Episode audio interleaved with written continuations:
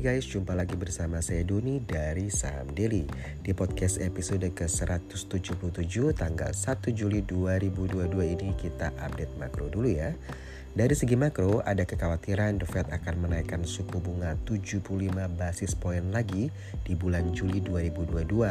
Adanya potensi The Fed menaikkan suku bunga lebih agresif ini direspons dengan capital outflow dari emerging market.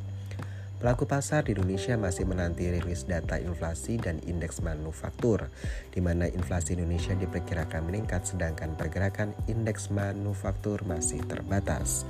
Dari bursa Amerika kita lihat bahwa Dow Jones Index minus 0,82 persen, sedangkan S&P 500 Index minus 0,88 persen, Nasdaq sendiri minusnya cukup dalam ya di 1,33 persen.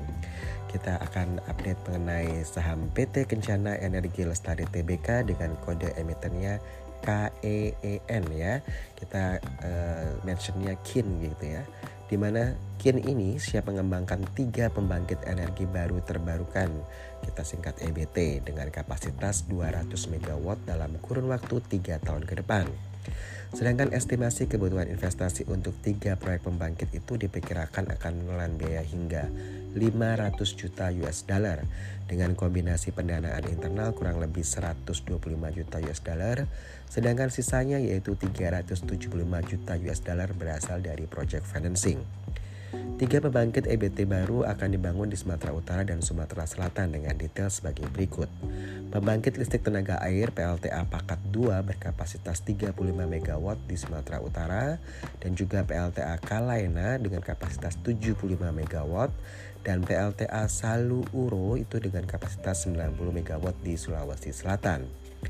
Jika diakumulasikan dengan kapasitas pada proyek berjalan maupun pembangkit existing, KIN akan memiliki total kapasitas 264 MW jika ketiga proyek baru tersebut jadi dibangun dan beroperasi. Saat ini, KIN telah mengembangkan 5 pembangkit existing dengan total kapasitas 64 MW. Sebanyak 4 di antaranya yaitu PLTA Pakat 1 itu kapasitasnya 18 MW, PLTA Air Putih dengan kapasitas 21 MW, PLTA Madong dengan kapasitas 10 MW, dan pembangkit listrik tenaga biomasa, kita singkatnya PLTBM ya, ini di Tempilang 2 yaitu 5 MW yang sudah beroperasi secara komersial. Satu proyek pembangkit existing sisanya yaitu pembangkit listrik tenaga mikrohidro. Uh, mikrohidro ini or di hulu ya, di mana masih proyek konstruksi.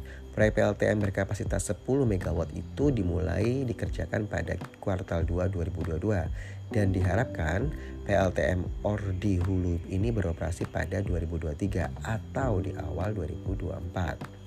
Kin sendiri menargetkan pendapatan di tahun 2022 itu senilai 41,4 juta US dollar. Dari segi capex, Kin menyiapkan capex hingga 30 juta US dollar di tahun 2022 Total capex tersebut akan dibagi untuk beberapa proyek. Proyek pertama yaitu pembangkit listrik tenaga mikrohidro. Ordi yang tadi saya sebutkan itu senilai 28 juta US dollar. Proyek kedua yaitu pembangunan PLTS Tempilang di Bangka yang akan menelan capex sebesar 1,3 juta US dollar. Dengan estimasi konstruksi memakan waktu 8 bulan dan diharapkan proyek ini selesai akhir tahun 2022. Sedangkan 500 ribu hingga 800 ribu US dollar akan dialokasikan ke proyek-proyek baru. Beberapa proyek baru yang baru selesai diakuisisi yaitu pembangkit listrik mini hidro berkapasitas 10 MW yang saat ini sudah mulai proses pembangunan PLTM dan biomasa berkapasitas 5 MW serta konstruksi pembangkit listrik tenaga surya berkapasitas 1,3 MW.